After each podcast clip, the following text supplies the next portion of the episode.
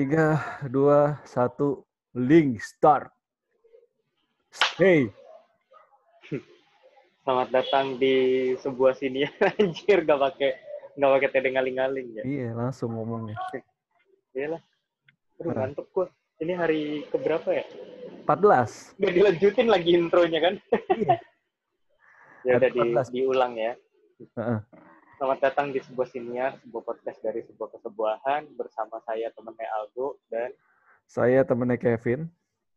ya eh, hari ini hari ke-14 dari 30 hari bersuara eh, yang diperakar yang diprakarsai oleh thepodcasters.id dan Dipromosikan digaungkan oleh Suara Podcast. ya suaranya podcast. Eh, hari ini temanya tentang self love, bagaimana mencintai diri sendiri. Eh, biasalah kita ngebahas tentang pengalaman aja. Iya. Soalnya kalau dibahas ya bisa sih dibahas teorinya sih. Heeh. Cuman Eh, kita nggak akan ya bahas. singkat aja sih. Heeh. Eh, mungkin nggak nggak nggak ada teori yang sampai gimana ya. Cuman maksud gua kayak sering banget orang tuh nggak bisa bedain self pity sama self love. Iya. Self pity itu kayak lo mengasihani diri sendiri, terlarut dalam lautan luka dalam. Ya, jadi lagu bangsat. Iya, ya self pity itu kayak gitu. Apa? Self pity itu lebih ke apa ya? Rendah diri sih jadinya. itu Ah, itu ya. ujung-ujungnya itu outputnya Ah, ah. outputnya tuh self pity itu adalah meren, eh, jadi rendah diri karena eh, konsepnya adalah lo ya pity mengasihi iba gitu Heeh. Dan iba bahkan sama diri sendiri dan bahkan dengan ibanya itu nggak sedikit yang eh, self pity-nya itu ngarahnya ke harm. ya Eh, harmnya ujungnya itu ke sana karena ngerasa eh, keberhargaan dirinya tuh kurang Mm-mm. nggak selalu self harm tuh nggak selalu dengan fisik ya misalnya lu kayak yang yang yang paling umum kan orang nyayat nyayat gitu kan atau melakukan suatu tindakan beresiko misalkan kayak kebut-kebutan gitu kan atau Iya.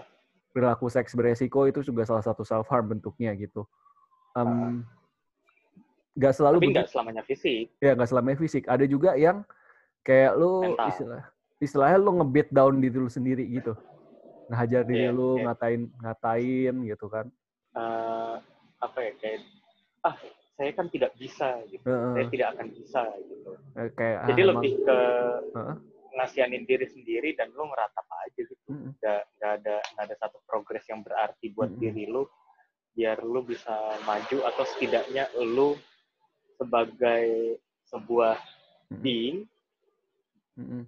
uh, membantu diri lu sendiri buat maju gitu Hmm. iya kayak ya gua gua emang anak terkutuk gitu contohnya gitu kan. Gua emang anak gak guna gitu kan.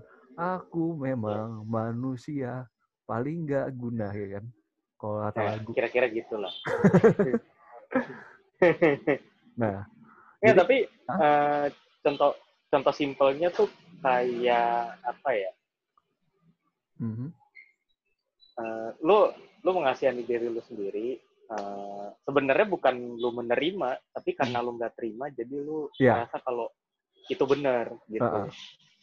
dan bukan menerima malah karena lu nggak terima gitu nggak terima digituin tapi lu ngerasa kalau ada benernya juga nih Heeh. gitu kayak misalkan uh, di sekolah kan kadang suka suka apa suka ada guru yang bacot banget kan Heeh. yang misalkan ngatain anak muridnya kayak ah kamu kamu nggak bakal naik kelas gitu-gitu kan Heeh, heeh.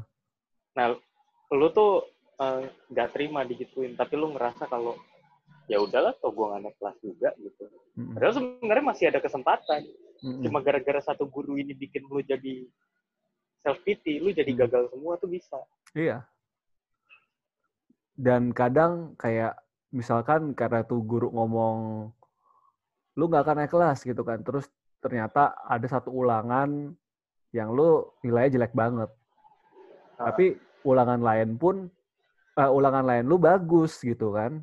Cuma Iya, mata cuma pelajaran satu itu- ini doang misal lu dapat tiga gitu ya, 30 gitu kan. Ah. Nah, Terus langsung bilang, ya bener kan? Yang yang, yang si guru itu bilang, gue emang gak naik, gak naik kelas. Padahal misalkan lu dapat ulangan matematika 100 gitu kan. Terus Iya. ulangan Ya, geografi, sisanya cepet heeh, geografi lu atau sisanya 95 nilai lu bagus. gitu. Heeh. Iya. Cuman gara-gara satu nilai, ya sebut aja materi apa ya bahasa Inggris gitu kali ya.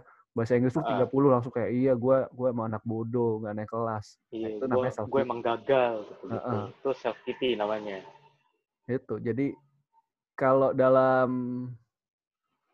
apa namanya? Kalau dalam irrational belief itu termasuk ke uh, disqualified the, the positive. Jadi kayak yang lu lihat negatifnya aja. Fokusnya ke negatif aja gitu. Kayak yang lain bodo amat gitu kan. Fakta-fakta yang lain lu Iya. dapat 100, dapat 90 nggak lu Tidak penting. Heeh. Yang penting ya saya dapat 30 ini fakta ya benar itu fakta. Iya. Tapi fakta yang lain Anda saya tidak peduli gitu kan. Iya. Nah, self pity itu kurang lebih seperti itu sih kayak eh, dengan satu kejadian dan mungkin itu dampaknya besar, lu jadi menghilangkan kejadian-kejadian lain atau keberhasilan-keberhasilan atau kejadian positif, memori positif yang lu udah punya, lu nggak lihat gitu. Nah, eh, Iya. sedikit disclaimer kayak contohnya ya uh, dalam dalam pemulihan trauma misalnya trauma karena kekerasan seksual trauma karena apa uh, perang gitu ya misalnya wilayah konflik gitu kan atau karena korban human trafficking gitu kan traumanya begitu berat ya Uh, dalam Hmm. terapinya itu ada namanya uh, membangkitkan memori-memori positif. Bukan tujuannya bukan untuk toxic positivity atau force positivity tapi kayak dari oke lu pu- mungkin punya peristiwa traumatis nih ada dan itu berbekas banget bikin lu jadi seperti sekarang. Tapi pastinya selama lu hidup ada dong hal-hal kecil yang bikin lu seneng. Nah coba diingat lagi. Nah itu uh, Iya. istilahnya itu membangun kepercayaan diri dari uh, istilahnya orang-orang yang trauma itu ya Iya. Um, yang terkena PTSD sih sebenarnya. orang-orang dengan Dan- PTSD gitu heeh. Dan biasanya bukan lo nggak bakal dipaksa buat kayak tuh kan ada kan kejadian ini, Iya, nggak- lo nggak harus kayak gitu. bersyukur gitu. kayak Enggak. gitu kayak gitu Cuma lo dikasih lihat kalau ini ada ada kejadian kejadian yang baik, Heeh. ya udah kayak gitu gitu bukan Kayak- outputnya sebenarnya bukan lo harus bersyukur, tapi Hmm. outputnya lebih ke eh, gimana caranya lo nginget kejadian Hmm. baik tersebut. iya Tuh. dan dan menggunakan memori positif memori tersebut buat lu membangun diri lagi gitu buat lu melanjutkan hidup supaya lu punya masa depan yang lebih baik dari tanpa harus tergantung dengan peristiwa traumatis tersebut gitu istilahnya kayak luka jet bakal tetap ada gitu bekas lukanya akan tetap ada dan kita nggak akan eh, nggak akan deny bekas luka tersebut gitu Iya. gitu jadi Tapi bukan berarti Hah? itu bakal mempengaruhi hidup lu selamanya, si luka itu. Gitu. ada eh, kalau pemulihan trauma ya ini karena ngomong pemulihan trauma gue ada ada suka satu art dari Jepang ya ini kalau lu pernah dengar kintsugi jadi kayak di mana ada vas atau guci yang pecah eh, atau piring gitu ya kerajinan inilah kerajinan keramik gitu ya Eh, terus disambungnya itu dengan emas lem lemnya itu dicampurin emas gitu dan itu dipamerkan sebagai kebanggaan. Jadi kayak bekas lukanya itu yang udah dibalur emas itu sebagai suatu yang berharga gitu. Nah, post traumatic istilahnya kalau dalam psikologi post traumatic growth ya. Pertumbuhan pasca trauma kurang lebih seperti itu juga prinsipnya. Bukan meniadakan memorinya, bukan meniadakan lukanya, tapi membuat lukanya itu jadi sesuatu yang bikin lu unik.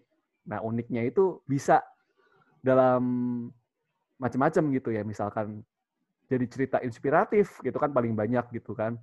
Iya. Atau kayak contohnya juga bisa menguatkan orang lain gitu kan yang pengalamannya serupa gitu kan banyak juga tuh. Kayak contohnya eh ya eh, paling gampang ini ya eh, yang tria di Surabaya ya mantan-mantan PSK di kan Bu Risma di Surabaya kan menutup banyak lokalisasi kan. Nah, itu kan Iya. PSK mantan germo, mantan kurir narkoba di sana dikasih pelatihan. Bagaimana mereka bangkit dari masa lalu mereka yang istilahnya ya siapa sih yang mau terima orang seperti itu gitu kan di masyarakat gitu kan. Lu apply ke perusahaan juga nggak akan dilirik gitu kan. Kayak oh Iya. apa nih mantan kurir narkoba ya siapa yang mau gitu kan. Nah, mereka di- Iya. dilatih ja- bikin usaha sendiri, mungkin jualan bakso, mungkin jualan baju gitu kan. kerajinan-kerajinan tangan gitu. Nah, itu salah satunya uh, post traumatic growth itu seperti itu. Jadi mengenable seseorang dan supaya orang itu uh, ada energi untuk belajar, untuk melatih suatu keterampilannya dengan tadi positive memory. Hmm, Gue jadi ngejelasin panjang. Dan benar dan yeah, yeah. dan outputnya outputnya itu self love gitu. Yeah. Diharapkan orang yang terkena trauma tersebut bisa mencintai dirinya sendiri dan hmm. menerima diri sendiri yeah. Iya. uh, sebagai pribadi yang unik gitu. Nah, itu Emang nggak bakal nggak bakal sama dengan masyarakat mm -mm. pada umumnya, tapi dia punya sesuatu keunikan yang orang lain nggak punya mm -mm. gitu. Namanya juga unik gitu kan. Iya, itu sih. Jadi uh, semoga mencerahkan ya tadi pembicaraan tadi yeah. gitu ya. Dan uh. tapi yang mau kita bahas lebih ke self love self love yang lebih sederhana daripada itu sih, nggak nggak selalu oh kalau kayak gitu harus harus mengalami peristiwa traumatis dulu. Ya enggak. Kalau misalkan enggak lu juga. lu lu nggak mengalami ya jangan sampai mengalami gitu ya. Iya, kalau kalau bisa jangan ya jangan. Ngapain dipancing? iya, kayak oh apa uh, kurang seru ah hidup gua. Gua, gua mau bikin peristiwa traumatis. Ya jangan seperti itu karena iya. perasaannya tidak semenyenangkan itu beneran itu gak enak banget gitu kan kalau lu bisa mengal apa uh, bukan uh, kalau lu sampai mengalami itu tuh perasaannya gak enak banget gitu kayak lu bisa iya. Bisa ngomong hatiku sangat sedih seperti ingin mati rasanya itu iya. kayak gitu uh, gue juga gue juga ingat uh, gue nonton uh-huh. uh, salah satu video di jadi ada satu channel namanya Brew uh-huh. itu channel ilmu pengetahuan gitulah channel uh-huh. science gitu uh, judulnya tuh tentang pokoknya tentang uh, orang yang uh, punya fobia terhadap gelap gitu. Mm-hmm. Jadi si orang ini tuh memang veteran perang. Mm-hmm. Bukan veteran sih masih masih masih jadi tentara, cuma mm-hmm. dia uh, terkena niktofobia kronik. Jadi oh, okay. uh-uh. dia takut dia takut sama gelap uh, setelah kejadian tersebut setelah event perang gitu. Setelah dia turun dia turunin ke medan perang. Terus uh, salah satunya ya ternyata itu gara-gara dia kena PTSD. Hmm. Jadi PTSD-nya itu emang mempengaruhi dia dan mempengaruhi hidupnya lah secara secara keseluruhan. Hmm. Jadi tuh dia katanya tuh sampai dia bisa dia bisa ngatur apa ya dia bisa ngatur waktunya sendiri biar hmm. kalau misalkan dia ke acara atau dia pergi ke mana itu dia ngindar dari kegelapan jadi dia bisa hmm. Hmm bisa apa ya bisa pulang sebelum matahari terbenam gitu loh hmm. jadi dia benar-benar apa ngelihat nih jadwalnya sunset kapan terus hmm. habis itu dia pulang sebelum sunset dia hmm. harus nyampe rumah gitu dan kalau misalkan dia ngelihat gelap tuh dia kena asma eh bukan asma sih dia uh, asphyxiate jadi uh, sesak napas terus habis itu ah. deg-degan uh, gangguan kecemasan gitu-gitu hmm terus habis itu akhirnya dia tuh uh, oh efeknya efeknya tuh sampai ke dia tuh nggak nggak tidur malam kan jadi tiap malam tuh kerjanya anxious doang. Hmm. cemas cemas doang. Jadi dia harus nyalain lampu segala macam dan dia nggak tidur. Nah pada saat uh, matahari mulai terbit dia udah mulai tenang dia tidur. Hmm. jadi uh, apa ya circadian rhythmnya terbalik gitu jadinya. Jadwal tidurnya jadi pagi sampai siang malam tuh dia bangun terjaga gitu terus akhirnya kan dia ke psikolog lah terus habis itu uh, eh, dapat terapi ya ini terapinya exposure kan. jadi exposure terapi itu perlu dihadapkan sama ketakutan yang terbesar ah. biar uh, lu akhirnya jadi terdesensitisasi hmm. jadi lu uh, jadi nggak sensitif lagi sama fobia yang ada mm-hmm. gitu bukan fobia sih uh, stimulus yang stimulus ada yang bikin lu takut gitu istilahnya uh-uh. mm-hmm. terus ya udah uh, kalau nggak salah dia kan tuh ngalamin uh, terapi itu enam bulan terus mm-hmm. habis itu ternyata dia dipanggil lagi jadi tentara lagi mm-hmm. tapi di saat itu pas dia pulang dari pulang dari apa ya pulang dari turnya kan itu kan disebut tur kan Hmm. kalau misalkan mereka ke luar buat ke medan perang itu tur namanya Hmm.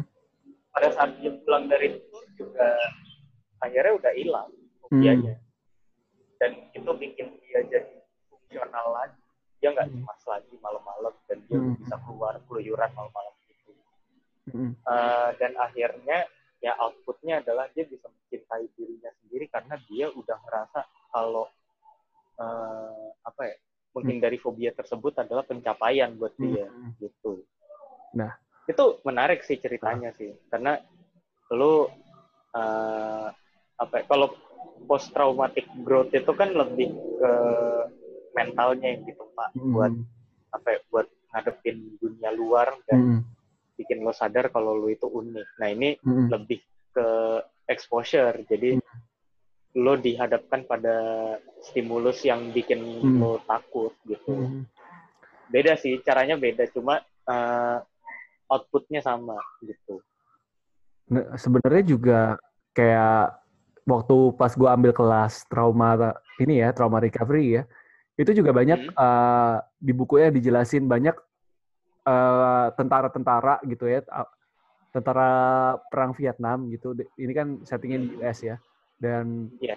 mereka tuh kalau misalkan dengar bunyi ledakan gitu itu mereka bisa muncul gejala-gejala PTSD tadi seperti deg-degan seperti tiba-tiba keringat dingin gitu kan Apalagi- nafas. Heeh, apalagi kalau misalkan yang temannya temannya terbunuh di depan matanya dia gitu. Nah itu Iya. mungkin mungkin pas perang dia bisa tetap fight gitu. Tapi ketika pulang dari perang uh, dia nggak uh, dia lagi nyantai atau apa tiba-tiba keinget itu, nah itu bisa jadi sesuatu yang ini gitu kan. Iya. Eh, istilahnya dia bawa oleh-oleh yang tidak mengenakan Hmm, Gitu. Nah memang kalau kalau tadi ceritanya yang si tentara yang fobia gelap terus uh, sudah pulih gitu ya. Nah itu kan nggak ada yang tahu pasti kapan berapa lama orang ini pulih gitu. Hmm. Ini nggak kayak bedanya mental health sama physical health itu kan kalau bisa biasanya ya, oh lu sakit eh ya sebutnya sekarang deh COVID gitu. Kalau COVID Hmm. Eh, masa-masa pemulihannya kira-kira sebulan, sebulan baru lu bisa eh, sembuh dan bisa beraktivitas, eh, istilahnya paru-paru lu dan lain-lain mulai pulih gitu. Nah kalau kalau mental health nggak ada yang seperti itu gitu kan, nggak nggak bisa kita patokan, oh dia bisa nih enam bulan. Nah yang lain belum tentu bisa enam bulan gitu. Tergantung, tergantung banyak banget faktor-faktornya dan dan itu nggak bisa kita jelasin satu-satu sih karena emang banyak banget gitu kan. Iya. Eh, jadi maksudnya kayak misalkan ada temen lu yang yang mungkin punya suatu trauma tertentu gitu ya. Terus ada temen lu lagi yang traumanya mirip nih. Nah lu nggak bisa samain. Iya. Nah tuh dia bisa tuh. Oh setahun. Masa lu nggak bisa? Ya belum. Ya nggak gitu juga. Hidupnya ah, istilahnya resource yang mereka miliki kan beda-beda. Mungkin yang satu dia orangnya emang lebih ekspresif, satu enggak gitu kan. Contoh, terus eh, mungkin bisa jadi teman-temannya yang satu tuh teman-temannya suportif banget, sedangkan yang satu tuh tinggal di lingkungan yang nggak suportif. Nah itu bisa Iya. menentukan juga salah satunya gitu kan. Eh itu sih kalau itu kalau ngomongin soal trauma dan soal lu punya ketakutan atau gimana ya. Nah, yang Iya. yang mau kita bahas lebih sederhana adalah kayak self love itu bisa buat eh, bis- bukan bisa buat bisa berupa self care sederhana gitu loh. Kayak misalkan lu sukanya ngapain? Hmm. kayak oh gue lagi capek biasanya ngapain nih? Recharge-nya. Ada yang mungkin pergi bareng teman-teman ada yang mungkin baca buku di rumah atau main game di rumah. Nah itu bisa uh, lu bisa katakan itu self love kalau itu lu nggak lakukan berlebihan. Kalau misalnya lu lakukan berlebihan dalam waktu yang cukup lama itu ya bisa dibilang self harm misalkan kayak lu main game selama sebulan sehari 16 jam gitu Hmm. terus-terusan begitu tuh. Lu lu makan jadi dikit, jadi apa? Bilang ya ini kan gue self care, itu nggak self care, itu lu self harm gitu kan Ah, sampai akhirnya Iya. mungkin mata lu visionnya berkurang atau mungkin lu jadi uh, gampang pusing gitu kan badan lu kurus, kurang nutrisi. Nah, itu kan jadinya self harm gitu kan. Jadi kadang ada beberapa orang yang biarin aja dong kan suka-suka gua. Ya selama menurut lu itu belum berlebihan ya nggak apa-apa. Tapi kalau udah Iya, berlebihan, selama itu tidak merugikan diri lu sendiri dan orang lain sih nggak ada masalah sebenarnya. nah kalau udah berlebihan itu kan yang jadi masalah. Seringkali ketika orang misalnya stres gitu ya, contoh di ya contoh paling gampang putus cinta gitu, putus cinta. Oh gua gua mau self care, gua mau main game. Dua hari lu main game nonstop. Ya apakah itu self care gitu kan? gitu aja gitu. Gitu sih. Lu self care apa lari dari masalah nih? iya, kayak gitu. Beda itu. Heeh, beda gitu kan. Self care itu lu lakuin hal yang lu suka, hal yang membuat lu senang lagi, tapi eh, badan lu tuh biasa ngasih alarm kok. Kalau lu awa- eh, Iya. eh, perhatiin Udah badan lu baik-baik berlebih. gitu ya. Kalau udah berlebih pasti pasti ada reaksinya. Entah lu pusing, mabok Iya. gitu, pengen muntah gitu kan. Nah, banyak kan kasus ya kalau nggak salah orang main game di kamar, tahu-tahu ditemukan udah meninggal. Nah, ya itu bisa Iya. jadi karena berlebihan, dia nggak makan, Ah. dia nggak istirahat gitu.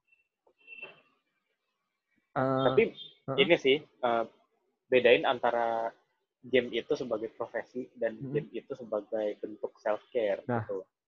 Soalnya ada juga kan yang kayak atlet-atlet e-sport gitu, Hmm. terus habis itu lu bilang, oh iya itu self care berhari-hari main game mulai beda, anjing Beda, dia dibayar Pak. buat main game gitu kan. Iya.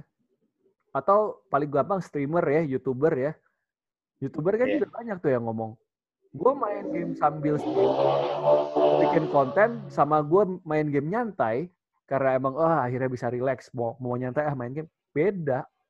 Kayak Iya. atlet e-sport, ya lu mau nggak mau serius gitu kan. Dengan game tersebut lu serius, bener-bener serius belajarin strateginya, belajarin timing-timingnya. Lu bikin walkthrough, misalkan eh, streamer, youtuber gitu ya, bikin walkthrough game atau bikin streaming game, ya lu akan berusaha untuk menghibur. Nah kalau kalau lu lagi main biasa, ya kan lu nyantai sambil tiduran atau Iya. atau lu melakukan hal-hal bodoh gitu. di, di dalam- mati juga nggak kenapa-napa Iya, di game gitu kan. Heeh, tapi sedangkan kalau misalkan lo bikin walkthrough kan, oh gua harus jago nih karena persona gua jago. Gua personanya Iya. orang yang Ya jago serius juga bikin. game itu, Eh, jago main itu gitu istilahnya hard mode dihajar bisa gitu. Lalu kalau lu main buat refreshing main hard mode bukannya malah makin stres. sih. iya gitu kan. ya sama sih kayak misalkan lu eh, itu itu paling gampang sih sebenarnya main game gitu.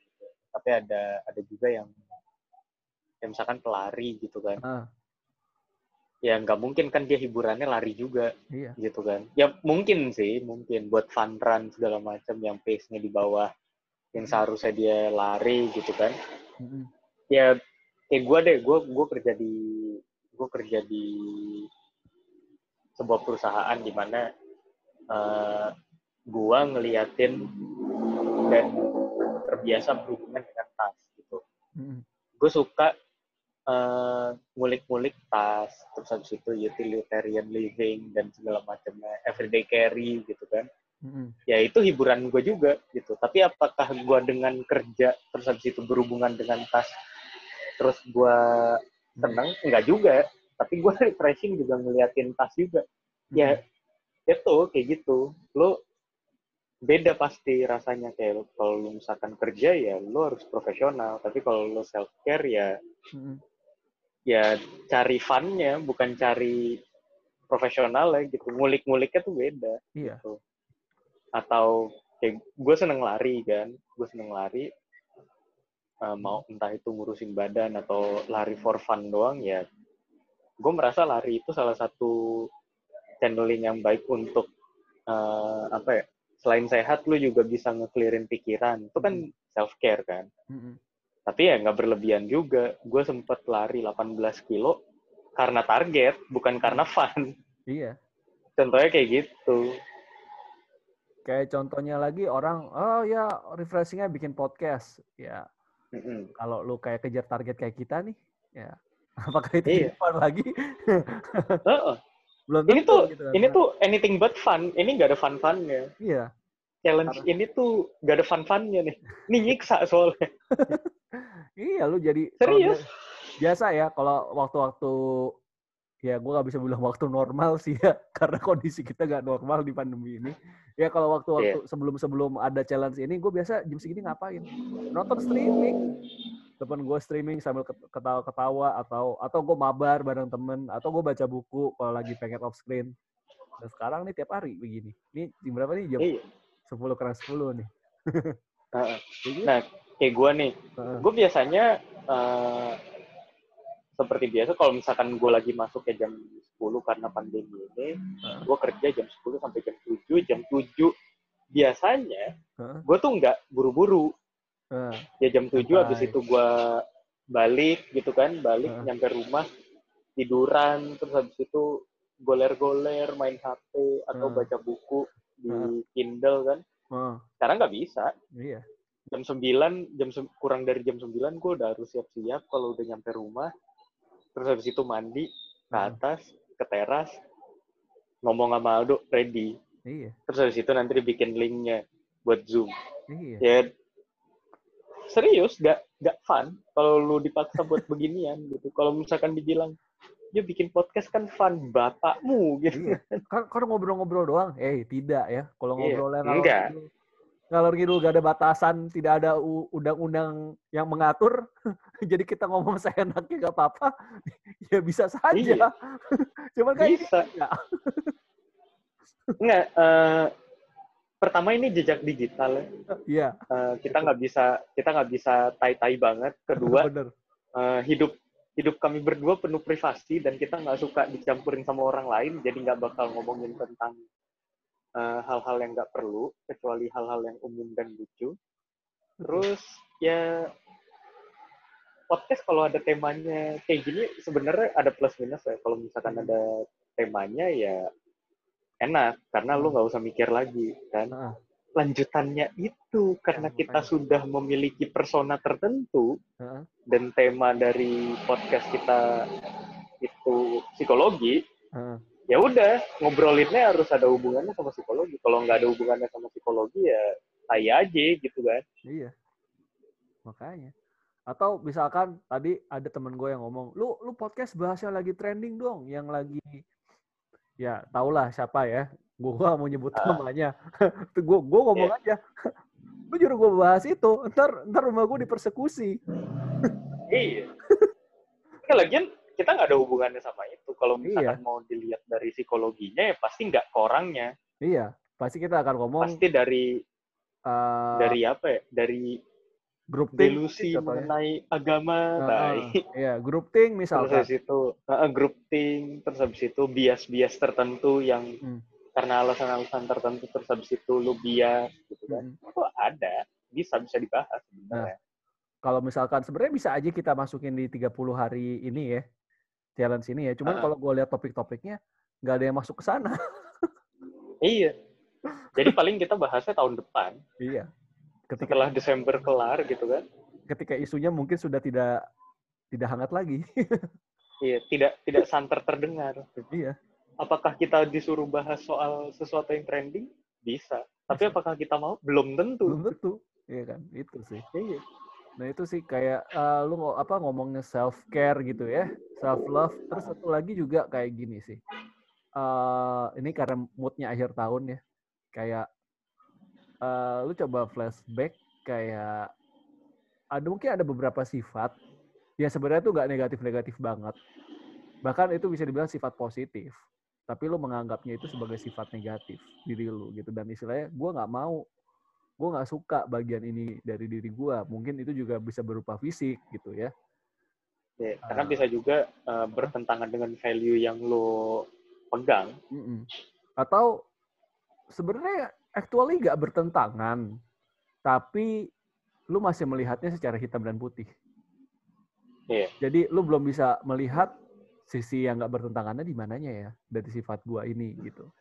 Nah itu itu menarik tuh itu proses tersendiri gitu kan. Istilahnya kayak uh, ini akhir tahun kan jadi lu bisa flashback lu bisa mikir gitu kan apakah sifat ini sejelek itu gitu sih. Tapi bukan berarti ini bukan berarti lu bisa jadi justifikasi kayak misalkan lu tukang banting barang-barang terus kayaknya sifat ini tidak jelek ada positifnya. Iya. positifnya saya jadi iya. lebih sering beli barang. Hey tidak seperti itu ya. Bisa. ya, ya aja bisa. sih, tapi- Selama barang yang nggak rusak kalau dibanting sih nggak ada masalah. Iya, cuman kalau lu itu barang barang punya ortu lu lu banting ya. Anjing kan. Terus sepertinya ini tidak Gak ada aturan. tidak ada yang salah dengan ini. Saya menikmatinya. Hei, Anda Anda sepertinya perlu penanganan ini. Anda sepertinya lupa kalau Anda merasa nikmat, orang lain belum tentu. Iya. Anda nik Kabur Anda. Anda nikmat, kami susah. Iya. Iya, itu sih kayak atau eh, apalagi ya sifat ya sifat-sifat tertentu sih istilahnya kayak mungkin kalau misalkan kita ngeling sama yang ke topik-topik kemarin ya soal yang bakamitai gitu kayak Ih, dulu gue bingung Mm-mm. banget sih dulu gue tolol banget sih ngelakuin ini ini pasti karena sifat gue yang ini ya belum tentu bisa jadi Iya. karena sifat itu juga lu mendapatkan benefit-benefit lain lu mendapatkan hal positif lu mendapatkan positive experience lain gitu Tapi bentuk Hah? self care juga Heeh. apa ya? eh, itu salah satu yang baik sih. Itu Heeh. untuk mengkoreksi diri lu yang lo Heeh. anggap tidak sesuai dengan value lu yang Mm-mm, ada gitu kan. mm-mm. Bukan bertentangan, tapi nggak sesuai aja gitu. Jadi lu ada harus nemu selahnya aja Mm-mm. buat eh, ngulik-ngulik diri lu tuh sebenarnya bagusnya gimana kayak gitu kan. Hmm.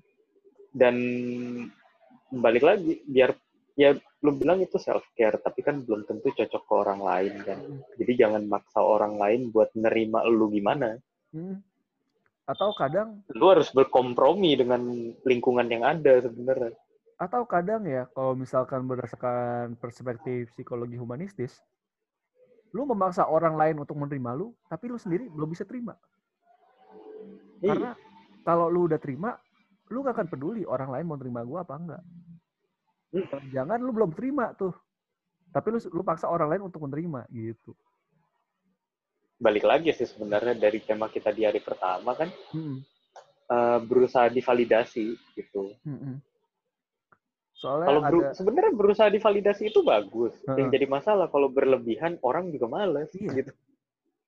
itu minta di notice terus gitu kan kalau kita iya, ngomongin tadi topik ya yang- buat apa gitu kan. Heeh. Ya, memang apa sih istilahnya ya? Memang self love itu proses sih. Sama kayak lu mencintai orang lain itu juga proses gitu kan. Pasti. Iya. Seorang jomblo mengatakan seperti ini tidak valid. apa? Ya Tapi kenapa apa? nggak valid orang lu harus orang nggak penting lu jomblo atau enggak emang Iya lu nggak cinta sama mak lu sendiri Iya benar. iyalah Heeh. maksudnya eh, apa ya tolak ukur dari tolak ukur dari orang bisa ngomongin cinta apa enggak itu bukan soal jomblo atau enggak. Hmm, lu merasakan cinta di sekitar lu enggak? Hmm, gitu. Kalau enggak belum tentu juga lu nggak valid. Hmm. itu aja. Karena lu biarpun lu nggak sadar orang tapi tetap ada yang cinta sama lu. Hmm. mungkin. Tapi Sesu- kalau nggak ada ya udahlah mau diapain lagi? Kayak lagu lagu suatu film zaman dulu gitu. Seseorang di sana. Kalau Anda tahu lagunya di, Anda sana, di di sananya di mana? Ya nggak tahu. Di sana aja. Kan kalau kata tuh lagu Gak seseorang banyak-banyak ngarep lah. Memperhatikanmu ya kan? Iya. seseorang di sana mencintaimu ya kan? Iya. Kan seseorang di mana. di sana ya kan? Iya bener. Nggak tahu di mana. Mungkin aja lu belum ketemu. Mungkin aja lu udah ketemu tapi lu nggak notice. Atau bisa aja ketemu. Iya. terus lu notice tapi lu nggak suka. Atau ketika dia sudah meninggalkannya meninggalkan lu terus lu jadi suka sama baru dia. sadar. Iya. iya Ya udah, baru itu sadar. Baru lu ngejar-ngejar. Ya udah itu dame dame dam- dameo Iya, itu suka-suka lu lah wibu anjing. itu lagu lagi ya memang selalu lagu itu. Apa sih? Tapi ya Hah? Eh, langsung lanjut kesimpulan lah ya. ya kesimpulan saja Eh, kesimpulannya sih Iya. Enggak. Apa? Ini kesimpulannya padahal giliran gue, tapi gue Iya. diem gitu. Bagaimana Eh, mikir dulu, Bang. Kesimpulannya sih sebenarnya cari waktu sih, cari cari waktu buat uh, mendapatkan momen-momen di mana lu sendirian Mm. dan lu bisa peduli sama diri lu sendiri, lu bisa ngurus diri lu sendiri. Mm. Uh, ya salah satu contoh ya cara paling gampang lu melakukan apa yang lu seneng, apa yang lu suka, Mm. ya sendiri aja dulu nggak usah nggak usah ada orang gitu. Contoh kayak ya nonton, baca buku segala macam itu uh, apa suka-suka lu, tapi salah satu bentuk uh, lu care dengan diri lu sendiri adalah lu harus punya satu titik atau satu waktu di mana lu sendirian dan lu melakukan hal yang lu suka. Mm. Itu adalah salah satu bentuk uh, self love, cinta dengan diri lu sendiri gitu.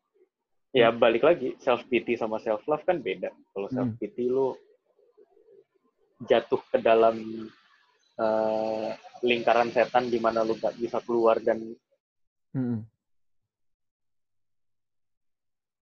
Halo?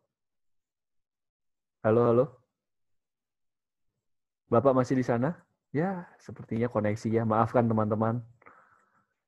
Karena inilah kalau online ya. Halo, halo? Halo, Pak?